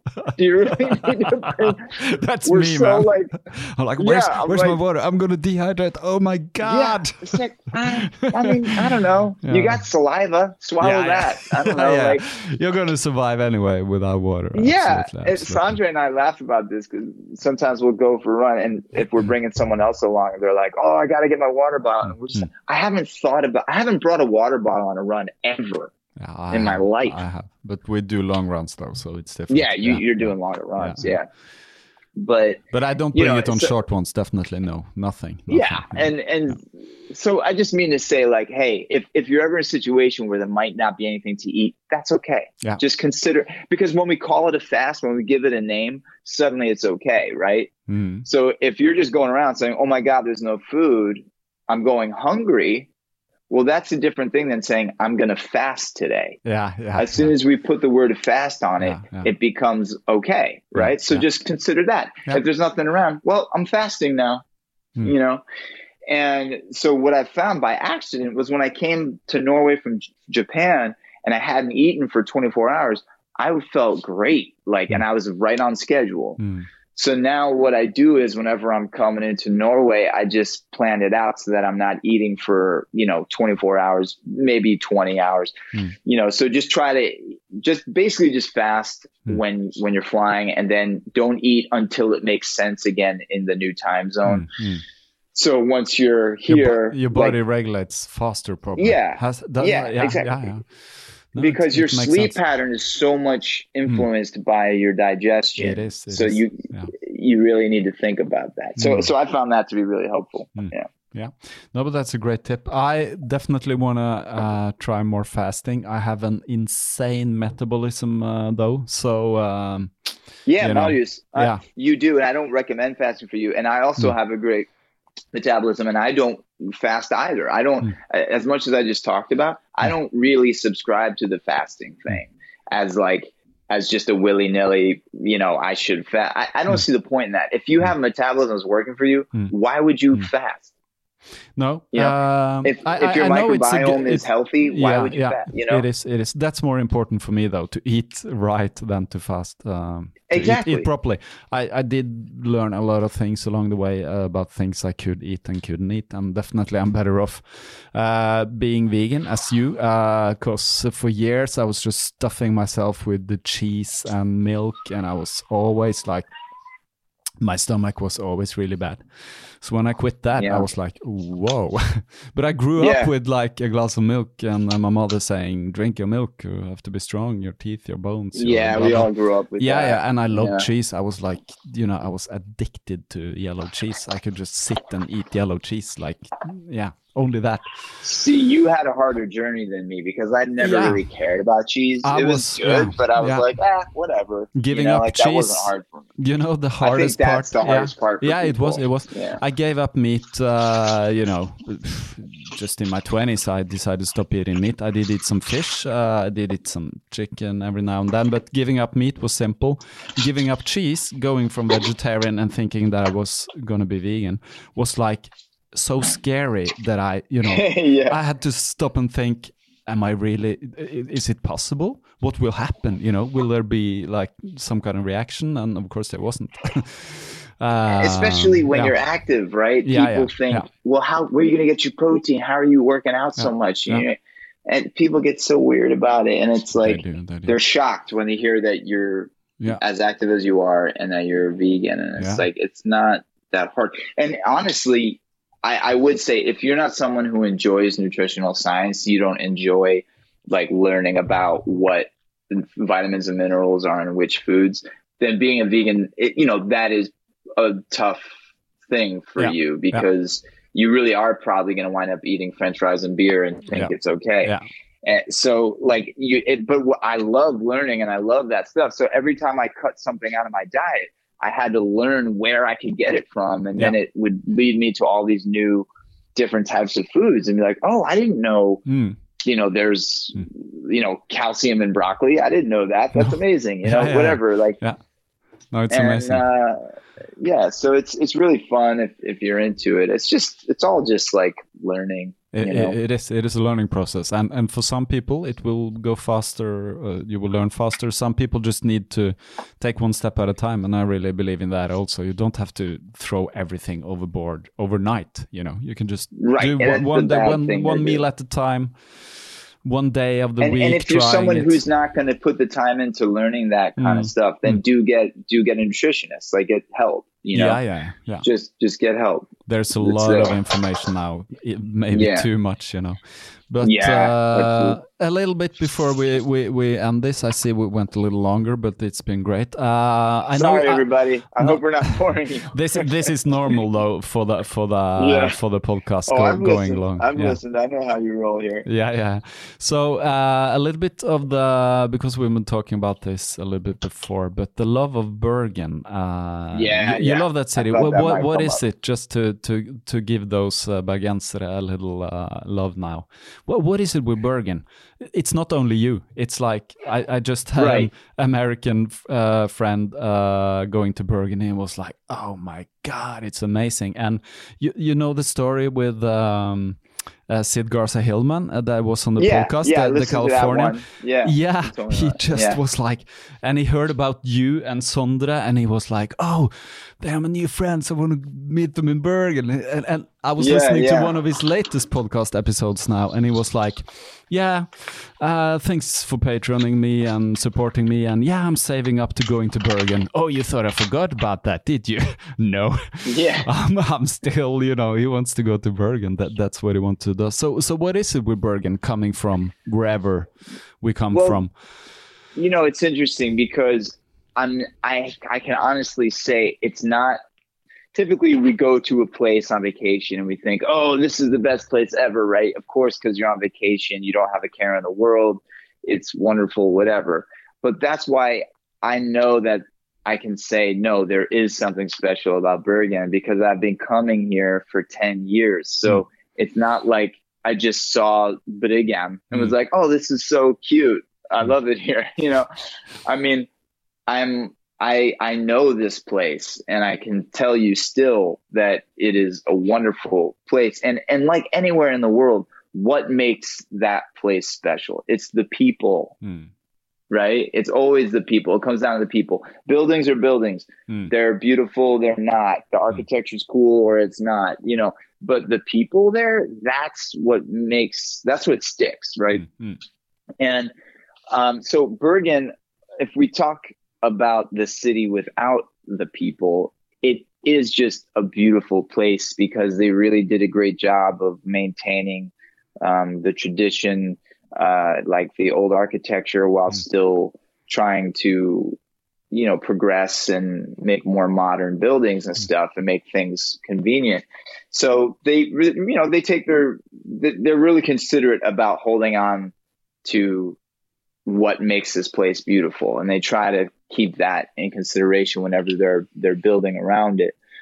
Um so the weather is a thing right? That's that's like maybe not the thing that people go oh i love the weather but like i said before i mean it's raining you're on the coast so it's raining all the time as you've mentioned and it's true it's typically warmer in bergen Hmm. so that's a plus side Definitely Um, in the winter, yeah. yeah, Hmm. but it, it, there is somewhat of like you know if anyone's been to Seattle or something, you know, it's similar to that. Hmm. Uh, but you know, it it's you just sort of get over it, and I like that. Like no one really uses umbrellas here. You just sort of you got your rain jacket on, Yeah. and you get to where you're going, Hmm. and you just accept it as it is. And uh, I'm gonna switch out my headphones because they're running out of juice here. Okay, okay. Yeah, that's fine. Is this audio still okay if I talk like this? Yeah, it's still okay. Okay. Yeah, it's a little louder. So- though. Oh, okay. So I'll I'll I'll do my pillow talk. Yeah, it's no, it's fine. Uh, w- what I do here is myself in a little bit of an echo in the Oh, okay. there. Then yeah. let me put these back in. It's just that they were running out. yeah, yeah, that's cool. So so anyway, um the the weather is a thing, but you get over that and and and it's just like when you when you see this city and you can't help but feel connected to all of the people who built this city and who lived here first and and there's like you can almost just it's almost palpable like all of the the history of this place Mm. and the the people who live here are very um, demonstrative of Mm. their feelings Mm. and the way they they speak and talk and their actions and their interactions are very um, friendly and i was always surprised to hear that everyone like norwegians consider themselves to be quite cold people Mm. Maybe a Uh, little I- reserved. yeah. yeah, and I and I I could see the the reserved thing a little bit, but I've never felt that Norwegians are cold. I've No. only felt that they've been very uh, welcoming and loving and warm people, Mm.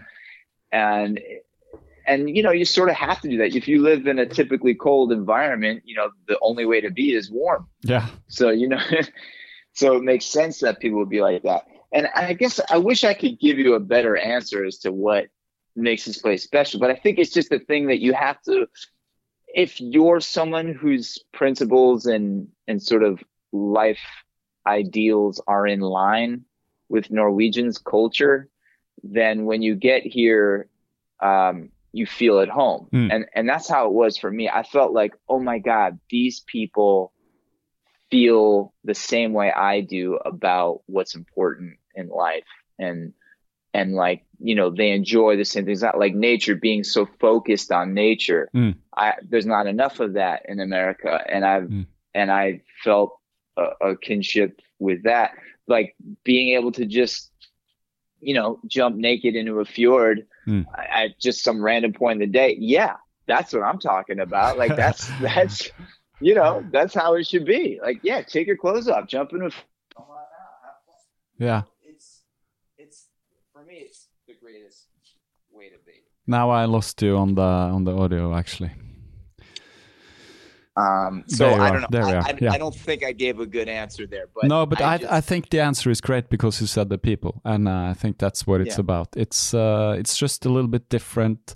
It's like Bergen is the largest, smallest city in the world, or the smallest, largest city in the world. There, there's just something about the, you know, there's always been a great vibe. Uh, I lived there for many years, and I, when I go back there, I was there now a few months ago, and I was so nostalgic, just going around Yeah. having all these sensations that I used to have, and yeah, it was a very Well, that's strange. that's yeah. maybe it, right? The Yeah. nostalgia of it, like the feeling of like you've been here before, which you literally have. But even if you haven't, you're like, oh, Mm. Yeah. I've been here before in my dreams. Like yeah, I, yeah, I feel like this is this is you know human beings like this is the stock of human beings that I want to be a part of. Yeah. You know, I don't know. It's just it's it's really great. Um, and you know, Bergensers themselves, they're probably too close to it to really give a good answer as well.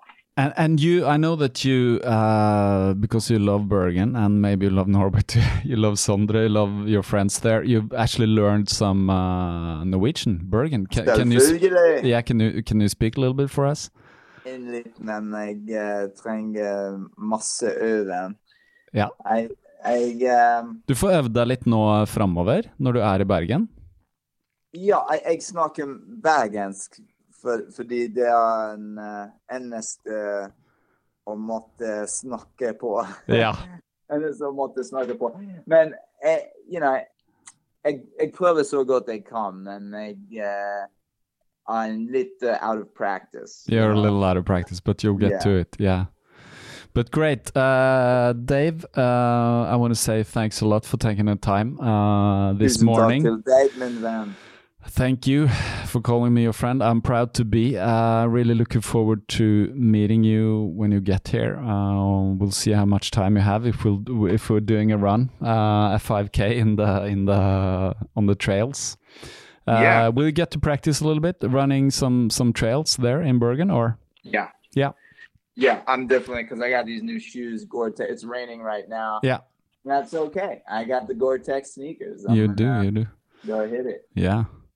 So amazing. Uh, let's cross our fingers for the for the result from the election, so you can return uh, and uh, uh, Trump. Man, you know what's Yeah. funny though, Marius, is that if it goes into a contingent election, right, and Yeah, that the, if if the Congress and the Senate, if they fail to elect a president and vice, because the Congress will elect the president and the Senate will elect the vice president. Aha. If they fail to do it in time for the inauguration on January 20th, Yeah. then the automatic president is the Speaker of the House. Yeah, which is Nancy Pelosi, Nancy right? Pelosi. Yeah. So our She would first be great. female president might be Nancy Pelosi. yeah. Wow. Wow. That would be Yeah. amazing too. Instead That of an would be- old man. We need, Yeah. I actually definitely, I'm going to say this right out. We need women to rule the world because this world is going yeah, out Well, that's west the with the men right? Ruling. It's like, Joe Biden has much of a better alternative. Yeah, he is he is Trump. definitely, He's- He's definitely. an old white man, and Yeah. everyone's sort of like over that. yeah, But yeah. But you see, like uh, countries now that have female uh, leaders, they did a lot better with uh, handling the COVID situation. Like New Oh, really? Zealand, yeah, New Zealand, Norway, Denmark, uh, Germany, yeah. well, that's it's a great fact. to hear. Yeah, it I is. mean, it is. I don't know what the problem is, man. It's just so it's just too much misogyny, and it's hard Yeah. to get out of that. What, what, you know? what you can do actually, there's a great, uh, if you can get the NRK TV where you are, you can probably just stream it now because you're in Norway, it's going to be open to you. But you're going to look for uh, a documentary series that was just released called UXA by Thomas Seltzer. He's this Norwegian TV personality, also a musician with Turbonegro. He's the bass player of Turbonegro, if you know that band. Do you know I don't. You don't? No. No. okay. It's a, it's a Norwegian band. It's uh, you can check them out, Turbonegro. They're they've been Yeah, pretty big. right now. But anyways, he he was born in uh, up north in the U.S. and moved to Norway when he was six or seven with his family, and uh, he went back now to visit his family. He's done it four years ago to just figure out why is this happening. You know, so it's a good documentary series. He's uh, he sees it kind of from the inside and the and the industrial belt and uh, the old what is it the rust belt with the iron production and everything how the industry has gone down and people's lives have you know they have kind of lost the american dream so it's an interesting one you can search that up and What watch would you say? Is UX? What? I, I call I think it's called UXA. But if you just uh, if you have a laptop there and you just type in tv.nrk.no, you're gonna find it on the front page there. It's the streaming uh, of the NRK, the Norsk Rikskringkasting, which is the state uh, television. But it's great. Um, that's a great one. I'm going to link to it in the podcast show notes also. So oh, good. Okay. yeah, but uh, great. I'm gonna put this out today. I'm gonna. I'm sitting in Thales' uh, little studio here. I got my laptop. I think I got everything I need to just um, uh, hit this together with an intro. Well, I just want to say hi to all your listeners, and it's a pleasure to be here. And if I bored any of you, I, I apologize, but feel free to send me a note. yeah, yeah. They can follow you. Yeah, yeah. They can follow you at uh, Instagram. Are you calling Yeah. yourself Herremann still? No, Oh, it's no. David Heilman on yeah, Instagram. yeah. I'll, I'll link to that also. Yeah, Insta. that's probably the best way to reach out. But yeah. You do. yeah. So I'm happy to elaborate on anything, and also happy to apologize for boring anyone. I don't think you bored anyone. If you bored anyone, they would have turned off by now. So uh, okay, that's true. that's the good thing with the podcast. Yeah. If you if you don't want to listen to it, you can just go to the next one. There you go. Yeah, but thanks again, Dave, and uh, have a great day and a few uh, and uh, the next week being in quarantine. And uh, good luck with uh, everything uh, in Bergen. Tusen takk. Tusen takk. so we'll speak soon, man. Thanks Yeah. again. Okay. Ha, ha det bra. Ha det bra. Ha det bra. Det var Dave. Det var Dave. Fantastisk fyr. Han er jo bare utrolig gøy å henge med og snakke med. Um, de som har mulighet for å prøve å komme seg og se Sondre spille med uh, bandet sitt, med Dave på trommer, det er uh, virkelig en opplevelse. Det kan jeg love dere. Så sitter jeg her nå og sjekket nyhetene. Ingenting er avgjort i presidentvalget. Jeg vet ikke hva som kommer til å skje, eh, men eh, uansett hva som skjer, så må vi bare jobbe videre her hjemme på berget. Vi har det tross alt helt utrolig godt. Uh, ingenting å klage på. Noensinne. Selv om uh, det er lov å sutre litt innimellom og bli litt grinte, men eh, ta to steg tilbake og tenke at uh, det er tross alt ikke så gærent. Vi går inn i en høst nå, men vi skal fikse dette. Spørsmålet er vil Bislett være åpent innendørs i vinter? Det lurer jeg på, for det er et sted jeg liker å løpe når uh, det blir holka ute. Uansett hvor du befinner deg, uh, få på deg piggskoa når det blir glatt. Uh, kle deg godt, uh, ikke gå og frys. ta vare på deg og dine. Mennesker og dyr. tusen takk igjen for at dere lytter, sitter her hele veien. Det er helt fantastisk å lage podkast og bare ha muligheten til å gjøre dette. Og hvis noen sitter inne med en idé, dette har jeg sagt flere ganger, det er rom for flere. Jeg har hørt på en ny norsk podkast nå som heter Henningsverden. Den mannen er slett ikke verst, skal jeg si dere. Han lager en podkast med masse interessante gjester over tema som kanskje ikke tas opp så mange andre steder. Så jeg kan anbefale dere å sjekke innom Henning også. Mulig jeg skal få han hit. Eh, jeg må høre om han løper, da. Ok, nå eh, får du bare fyke videre der ute i dagen, og om eh, du kom til denne litt seinere, som jo vanlig er, det er ikke alle som hører på dagen, så håper jeg at vi er et godt sted i forhold til dette valget over Atlanterhavet. Ok, Carpe Diem, mine venner. Carpe Diem.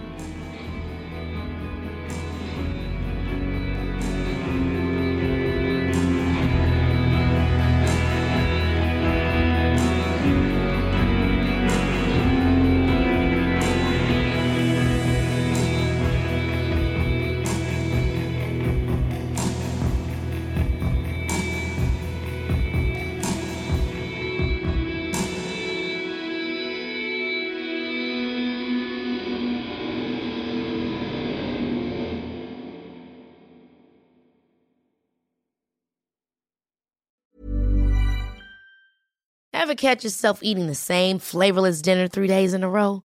Dreaming of something better? Well, HelloFresh is your guilt-free dream come true, baby. It's me, Keke Palmer. Let's wake up those taste buds with hot, juicy pecan-crusted chicken or garlic butter shrimp scampi. Mm. Hello Fresh. Stop dreaming of all the delicious possibilities and dig in at HelloFresh.com. Let's get this dinner party started. Even when we're on a budget, we still deserve nice things. Quince is a place to scoop up stunning high-end goods for 50 to 80% less than similar brands. They have buttery soft cashmere sweaters starting at $50, luxurious Italian leather bags, and so much more. Plus, Quince only works with factories that use safe, ethical, and responsible manufacturing.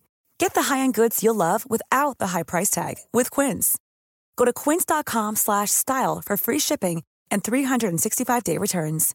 Imagine the softest sheets you've ever felt. Now imagine them getting even softer over time. That's what you'll feel with Boll and Branch's organic cotton sheets. In a recent customer survey, 96% replied that Bowl and Branch sheets get softer with every wash. Start getting your best night's sleep in these sheets that get softer and softer for years to come. Try their sheets with a 30-night guarantee. Plus, get 15% off your first order at bollandbranch.com. Code BUTTERY. Exclusions apply. See site for details.